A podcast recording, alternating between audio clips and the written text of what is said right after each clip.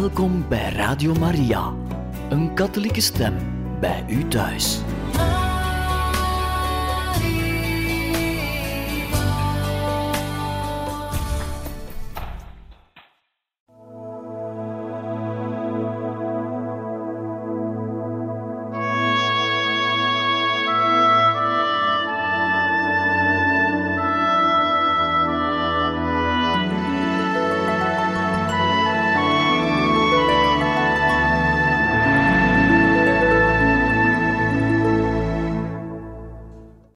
Harte welkom, beste luisteraars van Radio Maria, in het programma Heiligen Getuigen. We lezen u verder voor uit het boek Herinneringen van zuster Lucia. Dan gaat het natuurlijk over Lucia, die een van de zieners is geweest, die de heilige maagd Maria gezien hebben toen zij verscheen in 1917 te Fatima. We gaan verder in de vierde herinnering van zuster Lucia, die zij neerschrijft in opdracht eigenlijk van haar bisschop. En we waren ondertussen aangekomen aan een weergave van wat er gebeurde op de derde verschijning. Dat was op de 13e juli 1917.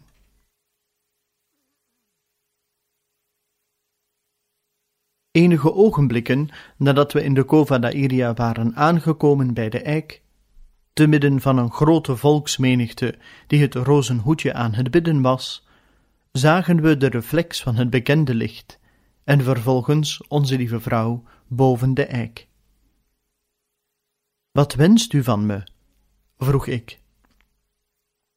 Ik wil dat jullie de dertiende van de volgende maand hier komen, dat jullie ermee doorgaan iedere dag het rozenhoedje te bidden ter ere van onze lieve vrouw van de rozenkrans, om de vrede van de wereld te verkrijgen, als ook het einde van de oorlog, want alleen zij kan dat verkrijgen.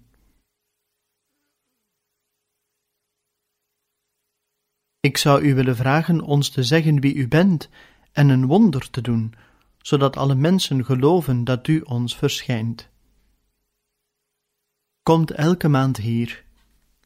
In oktober zal ik zeggen wie ik ben, wat ik wil en ik zal een wonder doen dat allen zullen zien om te geloven. Op dat ogenblik deed ik enige smeekbeden die ik me niet meer goed herinner. Wel herinner ik me nog dat onze lieve vrouw zei dat men de rozenkrans moest bidden om gedurende het jaar de gevraagde gunsten te verkrijgen. En ze vervolgde. Offert jullie op voor de zondaars, en zegt dikwijls, vooral iedere keer dat jullie een offer brengen: Jezus, het is uit liefde tot u, voor de bekering van de zondaars, en tot eerherstel van de zonden, bedreven tegen het onbevlekt hart van Maria. Bij het uitspreken van deze laatste woorden opende ze weer de handen, zoals in de twee vorige maanden. De weerkaatsing scheen in de aarde te dringen en we zagen een schouwspel als een zee van vuur. In dat vuur ondergedompeld de duivels en de zielen. Ze leken transparante, zwarte en donkerbruine gloeiende kolen met menselijke vormen, die dreven in die vuurgloed. Nu eens opgeheven door de vlammen die uit hunzelf opstegen, samen met wolken van rook, dan weer naar alle zijden neervallend, zoals vonken bij grote branden, zonder gewicht of evenwicht. Dit alles onder kreten en zuchten van pijn en wanhoop, hetgeen ons deed huiveren en rillen van ontzetting. Bij deze aanblik moet ik wel de kreet geslaakt hebben die men, naar men zegt, ook gehoord heeft. De duivels onderscheiden zich van de zielen door hun afschuwelijke en weerzinwekkende vormen van onbekende, schrikaanjagende dieren, doch ze waren transparant en zwart. Ontzet en als om hulp te vragen sloegen we onze ogen op naar onze lieve vrouw, die ons met goedheid en droefheid zei: Jullie hebben de hel gezien, waar de zielen van de arme zondaars heen gaan. Om hen te redden wil God de godsvrucht tot mijn onbevlekt hart in de wereld verbreiden. Als men doet wat ik jullie zeg, zullen vele zielen gered worden, en zal er vrede zijn. De oorlog loopt ten einde. Maar als men niet ophoudt God te beledigen, zal er onder het bestuur van Pius XI een nieuwe, nog ergere oorlog beginnen. Wanneer jullie een nacht verlicht zullen zien door een onbekend licht, weet dan dat dit het grote teken is dat God jullie geeft, dat Hij de wereld gaat straffen voor haar misdaden, door middel van oorlog, honger en vervolgingen van de kerk en van de Heilige Vader.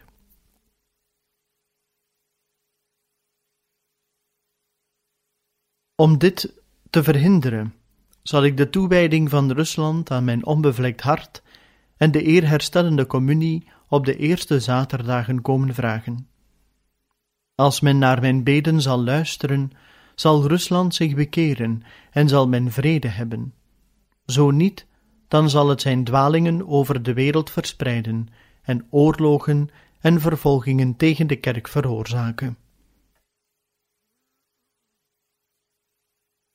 De goede mensen zullen gemarteld worden.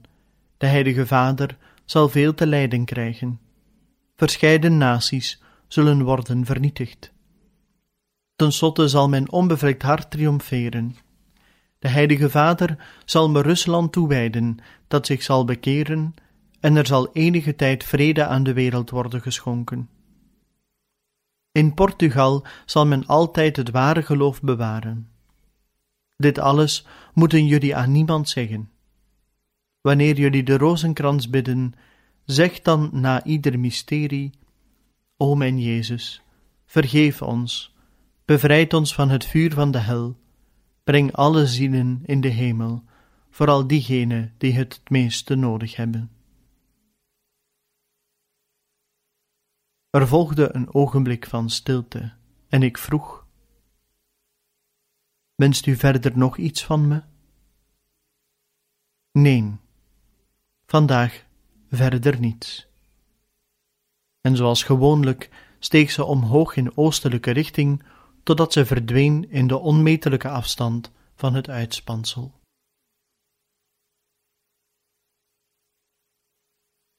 Dertien augustus 1917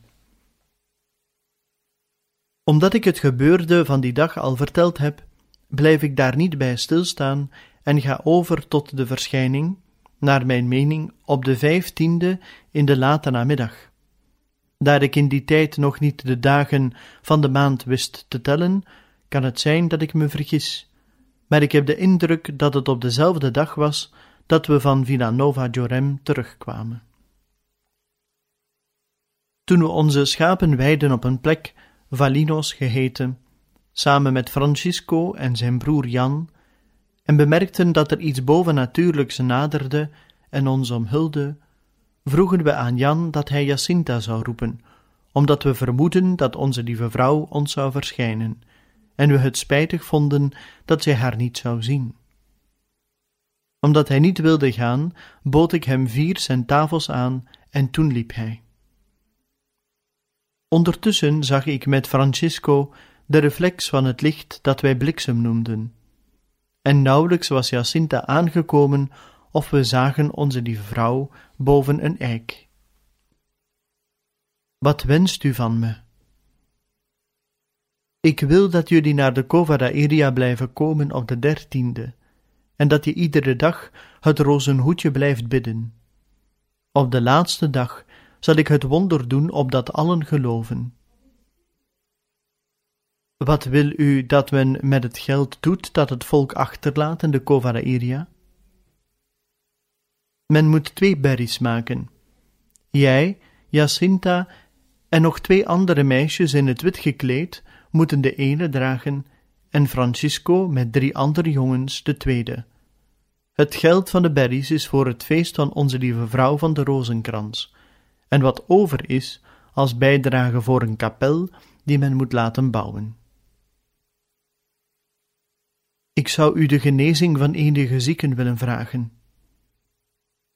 Ja, sommigen zal ik gedurende het jaar genezen. En terwijl haar gelaat een droeviger uitdrukking aannam, bid. Bid veel en brengt offers voor de zondaars, want vele zielen gaan naar de hel, omdat er niemand is die zich voor hen opoffert en voor hen bidt. En zoals gewoonlijk steeg ze langzaam op in de richting van het oosten.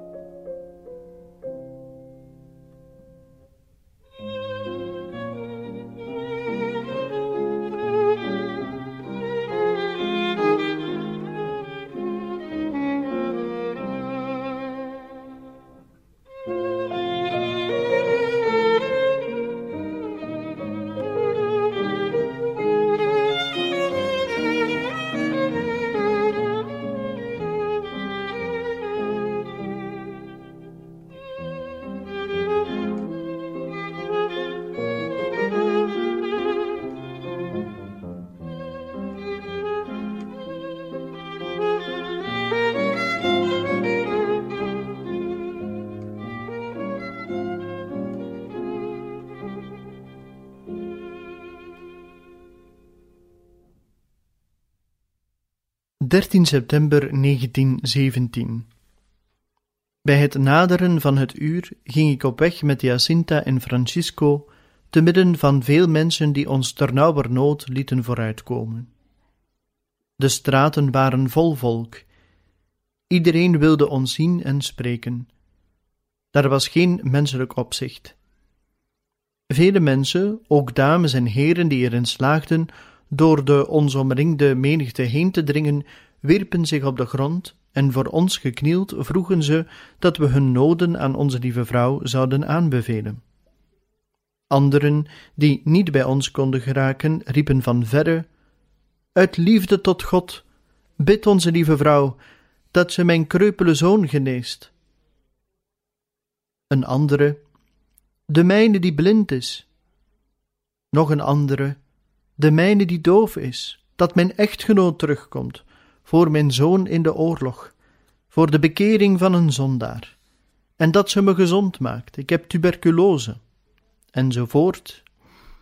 En daar kwam alle ellende van de mensheid ter sprake. En sommigen riepen zelfs vanuit bomen en vanaf muren, waar ze opgeklauterd waren om ons te zien langskomen. Terwijl we aan de een toezegging deden aan anderen de hand gaven om ze te helpen met de van de stoffige grond op te staan, gingen we zo vooruit met de hulp van enige heren die ons een weg baanden door de menigte.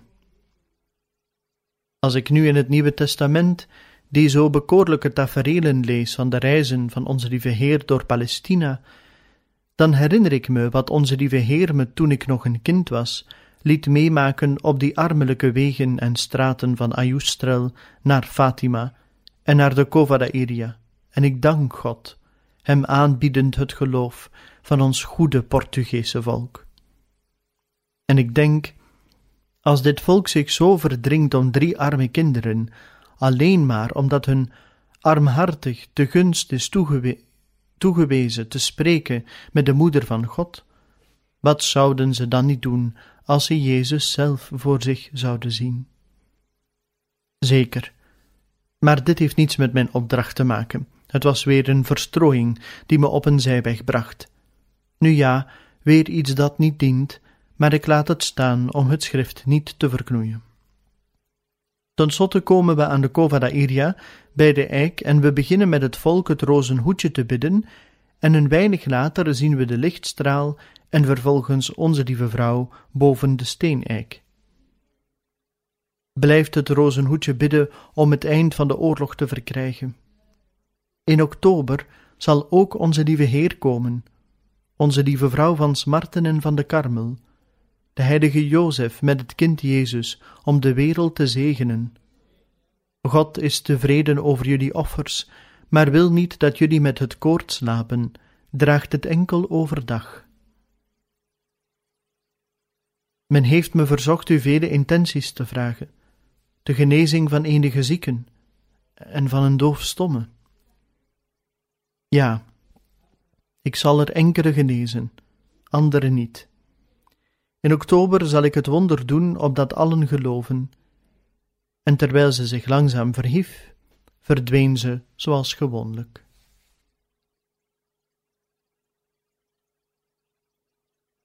Dertien oktober 1917 We gingen vrij vroeg van huis, al rekening houdend met het oponthoud onderweg. Mijn moeder, bang dat dit de laatste dag van mijn leven zou zijn, besloot me te vergezellen. Het hart verscheurd door de onzekerheid van wat er ging gebeuren. Onderweg de taferelen van verleden maand, nu nog veelvuldiger en nog ontroerender. Zelfs de modder van de wegen was voor die mensen geen bezwaar om neer te knielen in de meest nederige en smekende houding. In de Cova d'Airia aangekomen bij de steeneik vroeg ik, gedreven door een inwendige aandrang, aan het volk de paraplu's te sluiten en het rozenhoedje te bidden. Kort daarop zagen we de lichtstraal en vervolgens boven de steeneik onze lieve vrouw. Wat wenst u van me? Ik kom je zeggen dat men hier een kapel moet bouwen ter ere van mij dat ik onze lieve vrouw van de rozenkrans ben, en dat jullie ermee moeten doorgaan altijd het rozenhoedje te bidden. De oorlog gaat eindigen en de soldaten zullen binnenkort naar huis terugkeren. Ik moet u vele dingen vragen, of u enige zieken wilt genezen, en of u enige zondaars wil bekeren. Sommigen ja, anderen niet. Het is nodig dat ze zich bekeren, dat ze berouw vragen voor hun zonden. En met een droeviger gelaatsuitdrukking: Laat men niet onze lieve Heer nog meer beledigen. Hij is toch al zo versmaad. Dan opende zij de handen en deed ze weer kaatsen op de zon. En terwijl zij opsteeg, bleef de weerschijn van haar eigen licht zich projecteren op de zon. Dat was, excellentie, de reden waarom ik uitriep dat men naar de zon zou kijken. Mijn bedoeling was niet daar de aandacht van het volk op te trekken, immers ik gaf me zelfs geen rekenschap ervan dat ze er was. Ik deed het enkel onder invloed van een inwendige aandrang. Na het verdwijnen van onze lieve vrouw in de onmetelijke afstand van het uitspansel, zagen we op zij van de zon de heilige Jozef met het kind, en onze lieve vrouw in het wit gekleed met blauwe mantel. De heilige Jozef met kind leken de wereld te zegenen met gebaren van de hand in de vorm van een kruis. Kort daarna, toen deze verschijning weg was, zag ik onze lieve Heer en onze lieve vrouw, die me voorkwam als onze lieve vrouw van smarte. Onze lieve Heer leek de wereld te zegenen op dezelfde manier als de heilige Jozef. Ook deze verschijning verdween weer, en het kwam me voor dat ik nog onze lieve vrouw zag, gelijkend op onze lieve vrouw van de Karmel. Zie daar, hoogwaardige excellentie, de geschiedenis van de verschijningen van onze lieve vrouw in de Cova da Iria in 1917. Altijd, als ik om de een of andere reden erover moest spreken, probeerde ik het zo beknopt mogelijk te doen, met het verlangen om de meest intieme gedeelten, waarvan de onthulling me zoveel moeite kostte, voor mij alleen te bewaren. Maar omdat ook deze gedeelten aan God toebehoren en niet aan mij, en Hij ze me nu in de persoon van Uw Excellentie opeist, geef ik ze prijs. Ik geef terug wat niet van mij is. Er is niets dat ik met opzet achterhoud. Het wil me voorkomen dat enkel kleine details ontbreken aan de smeekbeden die ik gedaan heb. Daar het louter materiële dingen waren, heb ik er niet zoveel gewicht aan gehecht, en misschien hebben ze zich daarom niet zo levendig in mijn geest geprent. En ja, het waren er zoveel, zoveel. Misschien was het te verwijten aan de angstige zorg om de ontelbare gunsten die ik aan onze lieve vrouw moest vragen te herinneren, dat de vergissing plaats had dat ik begreep dat de oorlog op dezelfde dag, de dertiende, zou eindigen. Vele mensen hebben zich verbaasd getoond over het geheugen dat God me heeft willen geven. Door zijn oneindige goedheid ben ik in dit opzicht alleszins geprivilegeerd. Maar bij bovennatuurlijke zaken is dit niet te verwonderen, want ze prenten zich zo diep in onze geest dat het bijna onmogelijk is ze te vergeten. Tenminste, de betekenis, waar het eigenlijk om gaat, vergeet men niet, tenzij God wil dat we die ook vergeten.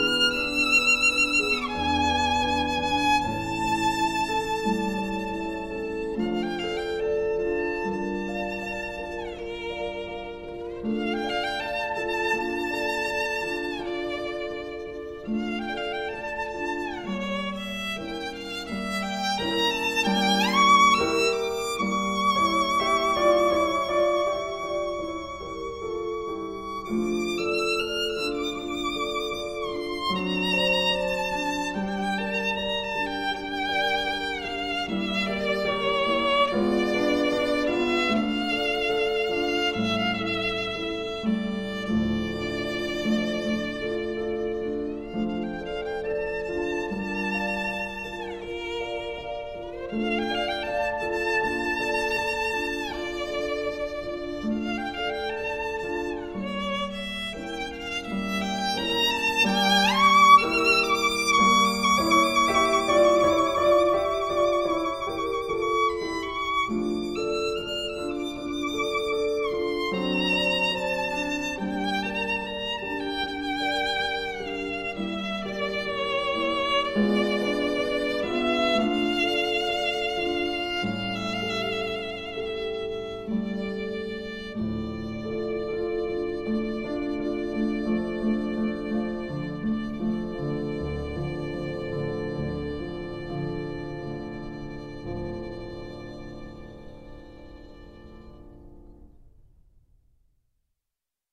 Dr. Galamba vraagt me nog de een of andere gunst aan te geven, verkregen door voorspraak van Jacinta.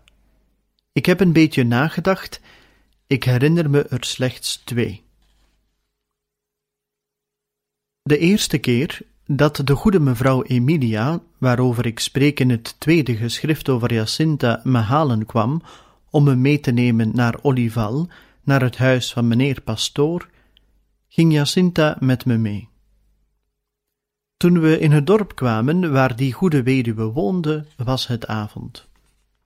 Desondanks verspreidde zich al gauw het nieuws van onze aankomst, en het huis van mevrouw Emilia was aanstonds omringd door een hele zwerm mensen.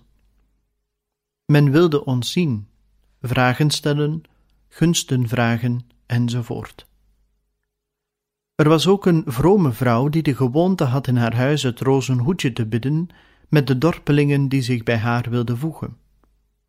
Deze kwam dan vragen dat we naar haar huis zouden komen om het rozenhoedje te bidden. Wij wilden ons verontschuldigen, zeggend dat we het al gebeden hadden met mevrouw Emilia, maar het aandringen was zo groot dat het enige remedie was toegeven. Op het nieuws dat wij kwamen, eilde het volk in massa naar het huis van die goede dame met de bedoeling plaats te vinden, en des te beter, zo hadden we de weg vrij. Toen we onderweg waren, kwam ons wenend een meisje van misschien twintig jaar tegemoet. Ze wierp zich op de knieën en vroeg ons ten minste een Ave Maria in haar huis te willen bidden voor de genezing van haar vader, die al meer dan drie jaar geen rust kon nemen vanwege een onophoudelijke hik. Onmogelijk aan zulk een aandrang te weerstaan. Ik hielp het arme meisje opstaan, en omdat het al tamelijk laat in de avond was, we moesten gebruik maken van het licht van een paar lantaarns, zei ik tot Jacinta dat ze daar zou blijven, terwijl ik het rozenhoedje ging bidden met het volk en dat ik haar als ik terugkwam zou roepen. Ze stemde in. Toen ik terugkwam, trad ik ook dat huis binnen. Ik trof Jacinta aan, gezeten in een stoel, tegenover een man, ook gezeten, niet erg oud, maar latmager, die huilde van aandoening. Enige mensen, ik denk van zijn familie, stonden om hem heen. Toen Jacinta me zag, stond ze op, nam afscheid en beloofde hem niet in haar gebed te zullen vergeten, en dan ging het naar het huis van mevrouw Emilia. De volgende dag gingen we s morgens vroeg naar Olival en we kwamen eerst terug na drie dagen. Toen we bij het huis van mevrouw Emilia kwamen, kwam ons daar dat bewuste meisje opzoeken, nu vergezeld van haar vader, die er al veel beter uitzag, zonder dat nerveuze uiterlijk en uiterste zwakte. Ze kwamen bedanken voor de ontvangen gunst, want, zeiden ze, hij had geen last meer gehad van die hinderlijke hik. Al de keren dat ik daar nog passeerde, kwam die goede familie me telkens haar dankbaarheid tonen, zeggend dat de, zieke helemaal genezen was en nooit meer het minste verschijnsel van de hik had ondervonden.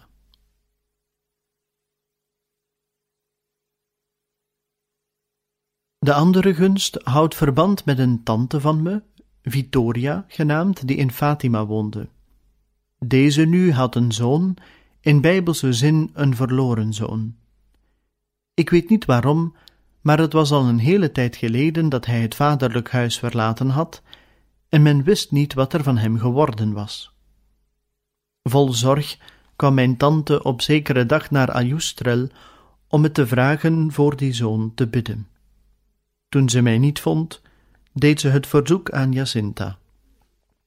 Deze beloofde voor hem te bidden. Na enige dagen kwam de zoon thuis vergiffenis vragen en daarna kwam hij naar Ajustrel om zijn lotgevallen te vertellen. Nadat hij, zo verhaalde hij, alles wat hij aan zijn ouders ontroofde had verkwist, was hij een tijd lang landloper geweest, totdat hij terechtkwam, ik weet niet meer om welke reden, in de gevangenis van Torres Novas. Toen hij al geruime tijd gezeten had, slaagde hij er op zekere nacht in te ontsnappen, voortvluchtig. In de nacht dwaalde hij over bergen en door onbekende dennenbossen. Met een gevoel van verlorenheid en de angst gepakt te worden in de stikdonkere, stormachtige nacht, zag hij zijn laatste redding in het gebed. Hij viel op de knieën en bad. Na enige minuten, zo beweerde hij, verscheen hem Jacinta, nam hem bij de hand en bracht hem naar de asfaltweg die leidt naar El Caldaio, naar Reguengo, hem te kennen gevend dat hij daarlangs verder zou gaan. Tegen de morgen bevond hij zich op de weg naar Boleiros, herkende de plaats waar hij was en ging ontroerd naar het huis van zijn ouders. Welnu, hij beweerde dat Jacinta hem verschenen was en dat hij haar heel goed had herkend. Ik ondervroeg Jacinta of het waar was dat zij zich daar bevonden had met hem. Zij antwoordde: Wel, nee. Dat ze die dennenbossen zelfs niet kende, noch de bergen waarin hij verloren was gelopen. Ik heb alleen maar voor hem gebeden en onze lieve vrouw vurig voor hem gevraagd, uit medelijden met tante Vittoria. Zo was haar antwoord. Wat was dat dan? Ik weet het niet. God weet het. Nu wil ik dan spreken, hoogwaardige excellentie, over het boek Onze Lieve Vrouw van Fatima door pater Luis Gonzaga Ayres da Fonseca. Dr. Galamba vraagt om daarin aan te duiden wat ik minder juist vind. Ik vind slechts enige kleine details en ik denk dat het niet van veel belang is ze te noteren. Maar omdat men een nieuwe uitgave verzorgt, doe ik het toch, omdat uw excellentie het wenst. Zo kunnen deze later vermeden worden. En dat, die aantekeningen, die bemerkingen, zullen we voor een volgende keer houden. En zo zijn we aan het einde gekomen van deze aflevering van het programma Heiligen Getuigen. Volgende keer lezen we u opnieuw verder voor uit het boek Herinneringen van zuster Lucia. En dan ontdekken we nog meer dus over dat geschrift en de verbeteringen die Lucia aanbrengt in, uh, in dit geschrift en hoe ze dat communiceert aan de bisschop. Dat is voor een volgende keer. Van harte dank en nog een bijzonder fijne dag gewenst.